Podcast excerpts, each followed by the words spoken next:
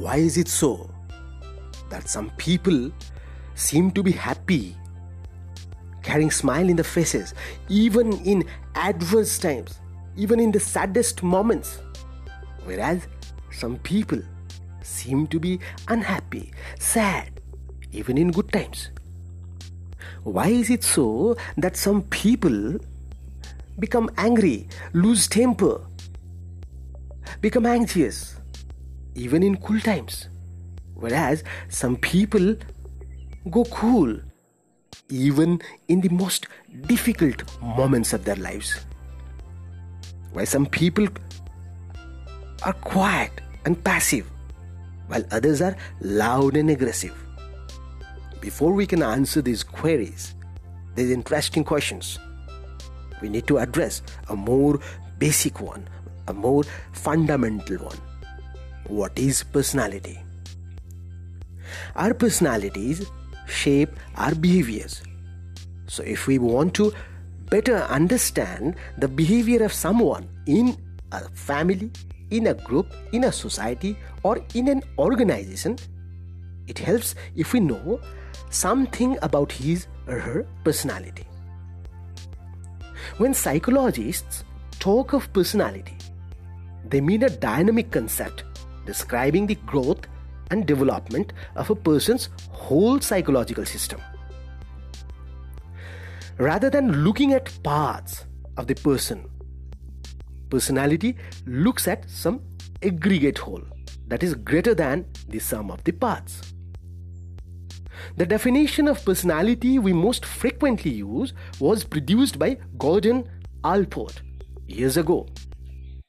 He said, Personality is the dynamic organization within the individual of those psychophysical systems that determine his unique adjustments to his environment.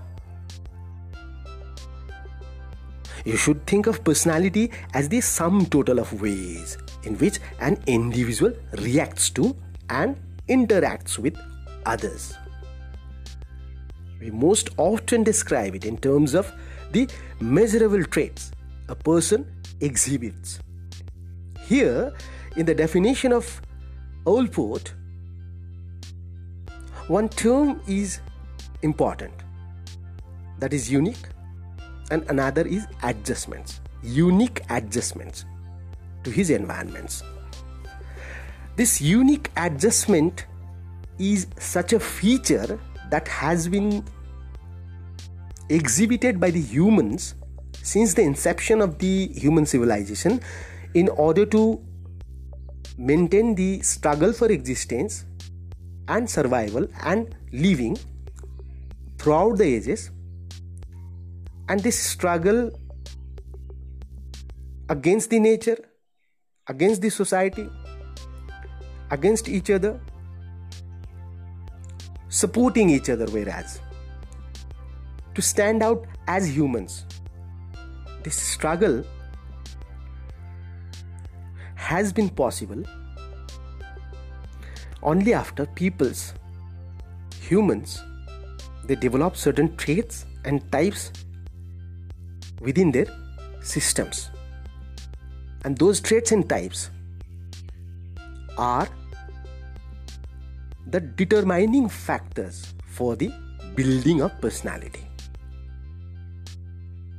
Traits are somewhat like the core of the earth, whereas types are somewhat like the earth's crust, wherein what we see is core of the earth remains stable in the nature, in the characteristics throughout the ages, whereas the crust keeps on changing, keeps on shifting,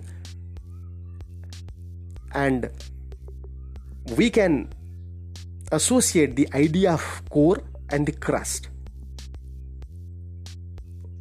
in the case of personality. Personality is made up of these two flat features one is trait and another is type. Trait is central and type is external. Wherein traits, whatever traits an individual develops throughout the childhood, remains almost unaltered throughout the life. Whereas the types keep on shifting keeps on uh, shaping and reshaping. And this is how the entire gamut of personality which is the combination of traits and types keeps on becoming dynamic throughout the life of an individual. That's why personality is never never static. It's a dynamic feature of an individual. The term personality has been derived from latin word persona which literally means to speak through. In other sense it even denotes masks which the theater actors used to wear in ancient Greece and Rome. Personality is used in terms of influencing others through external appearance. That's why. Mere external appearance, though important for personality characteristics, does not make the whole personality. According to Ruch, personality should include external appearance, inner awareness, and the particular pattern or organization of measurable traits, both inner and outer.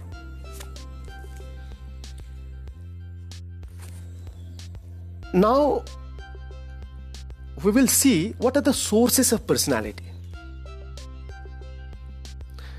Although there are various sources of personality, we can classify four sources.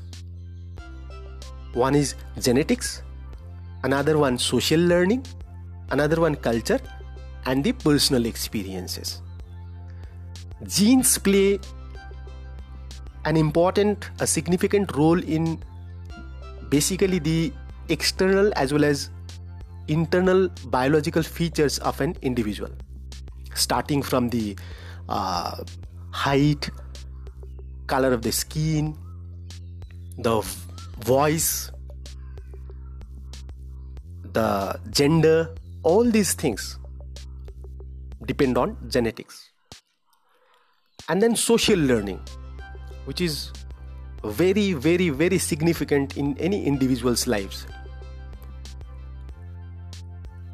It is the society, after family, it is the society that becomes the school for an individual. Even if somebody does not go to school, it is the society that teaches the lessons of the life, lessons of the world to that individual. We can take the example, very classic example of Nobel laureate, our own pride of India, Kavi Guru Rabindranath Tagore. He never went to school after class 4. But then he became the Nobel laureate. How? By social learning. Maxim Gorky, the world renowned author, whose book Mother has been sold for millions of copies. He also did not attend the schools after certain class. But then he became the world renowned author. Thomas Alva Edison, the great scientist, he also did not go to college. But then he became one of the noted scientists in the history of science. So, social learning is something which we can never, never discard in the building of personality. Culture, cultural background also plays an important role in shaping your personality. Then comes personal experience. It depends from person to person. Whatever experiences you gather through your throughout your childhood will be acting as the sources of your personality development. Now, what are the features of personality? Personality is always unique for each individual. That's why even the twins, although they look identical, they don't have same kind of personality. Personality refers particularly to the persistent qualities of an individual. Most of the qualities will become persistent after certain level of creation of the personality in individual personality represents a dynamic orientation of an organism to the environment it is influenced by social interactions it represents a unique organization of persistent dynamic and social predisposition personality is both psychological and physiological matter of study. It impacts behaviors and actions. And personality is having multiple expressions. Now we will see what are the determinants, that is, the factors of personality building.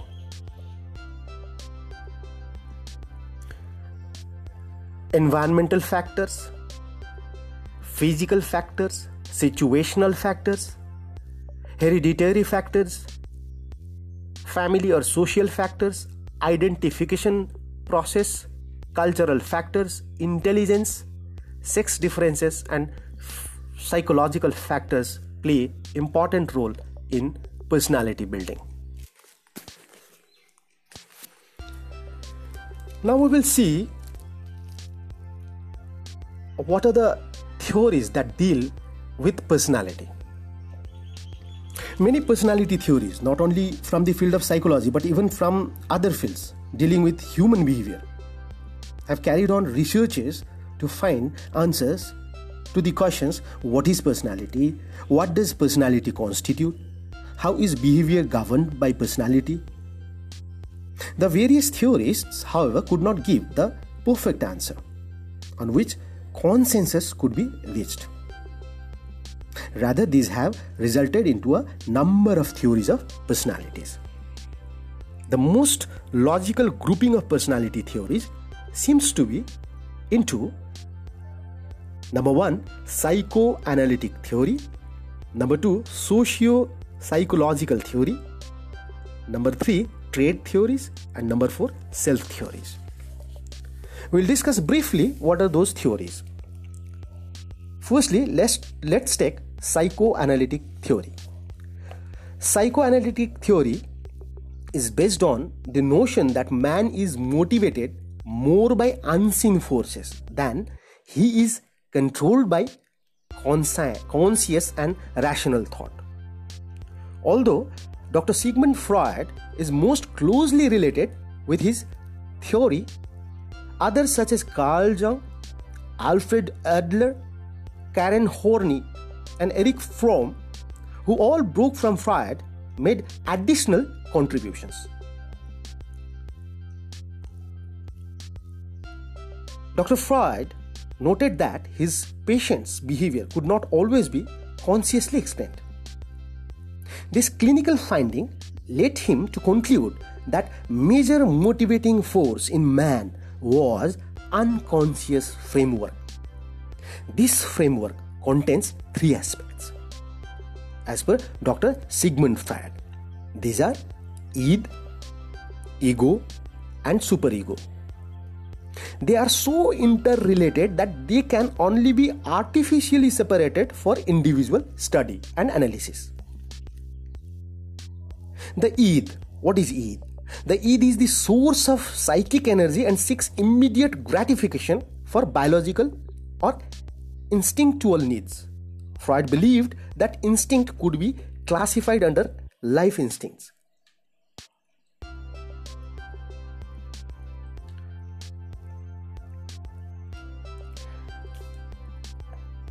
Life instincts such as hunger, thirst,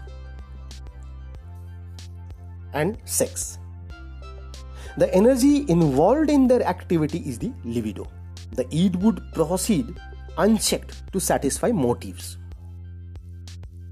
But even then, it remains a driving force throughout the life. What is ego? The ego is the conscious part, the logical part of the human personality, and is associated with the reality principle. While id represents the unconscious part, ego is conscious. Thus, ego keeps the id in check through the realities of the external environment through intellect and reason. Then, what is superego? The superego represents social and personal norms and laws and serves as an ethical constraint on behavior. It can be described as the conscience. The superego provides norms to ego to determine what is wrong and what is right.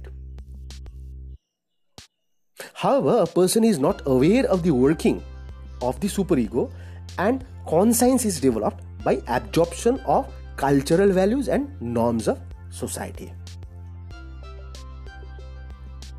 Now we go to socio psychological theory. Socio psychological personality theory recognizes the interdependence of the individual and society. The individual strives to meet the needs of the society while society helps the individual to attain his goal. The socio psychological theorists accept that socio psychological factors determine personality. However, there is no general agreement as to the relative importance of social variables. Fromm emphasized the importance of social context while Sullivan and Horney stressed interpersonal behavior, and Adler employed different variables.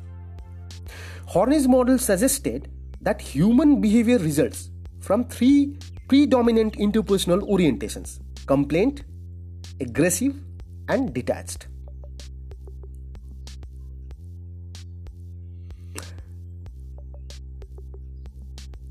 Now we go to trait theory.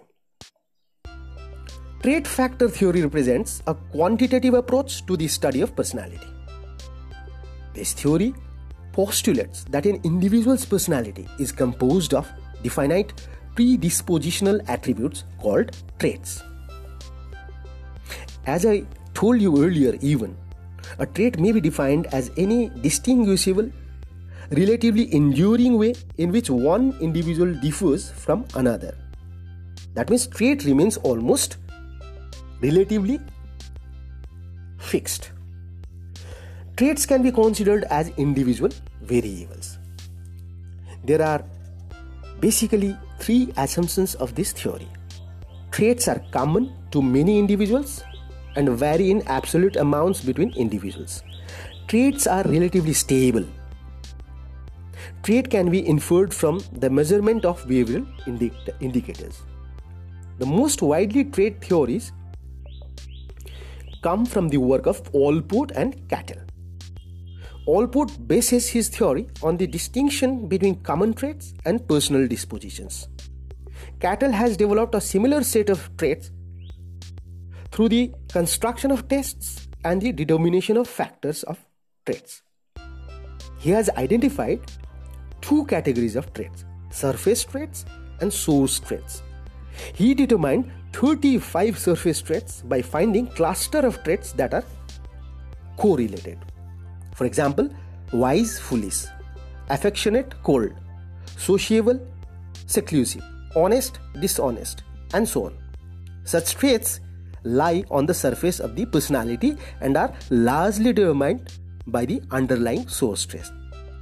He identified 12 source traits. Examples of such source traits are good nature and trustfulness, critical and suspicious, maturity and realism, immaturity and evasiveness. Trait theory gives recognition to the continuity of personality. This theory is based on personality research. Now we go to self theory. The psychoanalytic, socio psychological, and trait theories of personality represent the more traditional approaches to explaining the complex human personality. Self theory, also termed as organismic or field theory, emphasizes on the totality of all behaviors. This approach treats the organism as a whole to a greater degree than do any of the other theoretical formulations.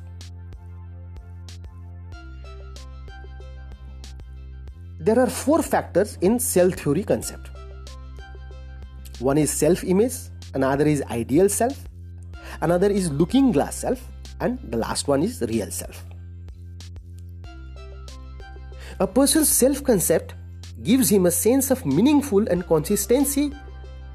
Gellerman observes that the average individual is not particularly well acquainted with himself, so to speak, but he remains quiet, faithful to his not so accurate image of himself and thereby acquires some consistency. Then, what are these self concepts? Self image. We start with self image. Self image is the way one sees oneself. Every person has certain beliefs about who or what he is. Taken together, these beliefs are a person's self image or identity. Erikson has defined identity as a lifelong development largely unconscious to the individual and his society. Now we come to ideal self. The ideal self denotes the way one would like to be. The ideal self differs from self image in the fact that the self image indicates the reality of a person as perceived by him while ideal self indicates the ideal position as perceived by him. Thus, there may be a gap between these two characteristics. The ideal self is important in stimulus selectivity because a person will select those stimuli for processing which fit in with the characteristics of his ideal self. Now, after self image and ideal image, we go to looking glass self. The looking glass self is the perception of a person about how others are perceiving his qualities and characteristics. That means how others look at him or her. This is the perception of others' perceptions. That is, the way one thinks people perceive about him and not the way people actually see him. Now, lastly, real self. The real self is what one really is in reality, in actuality. The self image, you know, it is the way one sees oneself. The ideal self, it denotes the way one would like to be, one would wishes to be. The looking glass self, the way in which others look at him or her. And the real self is the actual self. The first three aspects of self concept are the functions of individual perception and they may be same or different as the real self because uh, maybe perceptions differ from the reality most of the times because of the perceptual error. An individual's self image is confirmed when other person's responses to him indicate their beliefs about who and what he corresponds with. So, we have discussed almost most of the significant aspects of personality and personality theories. Thank you very much for being there with me. See you in next lecture.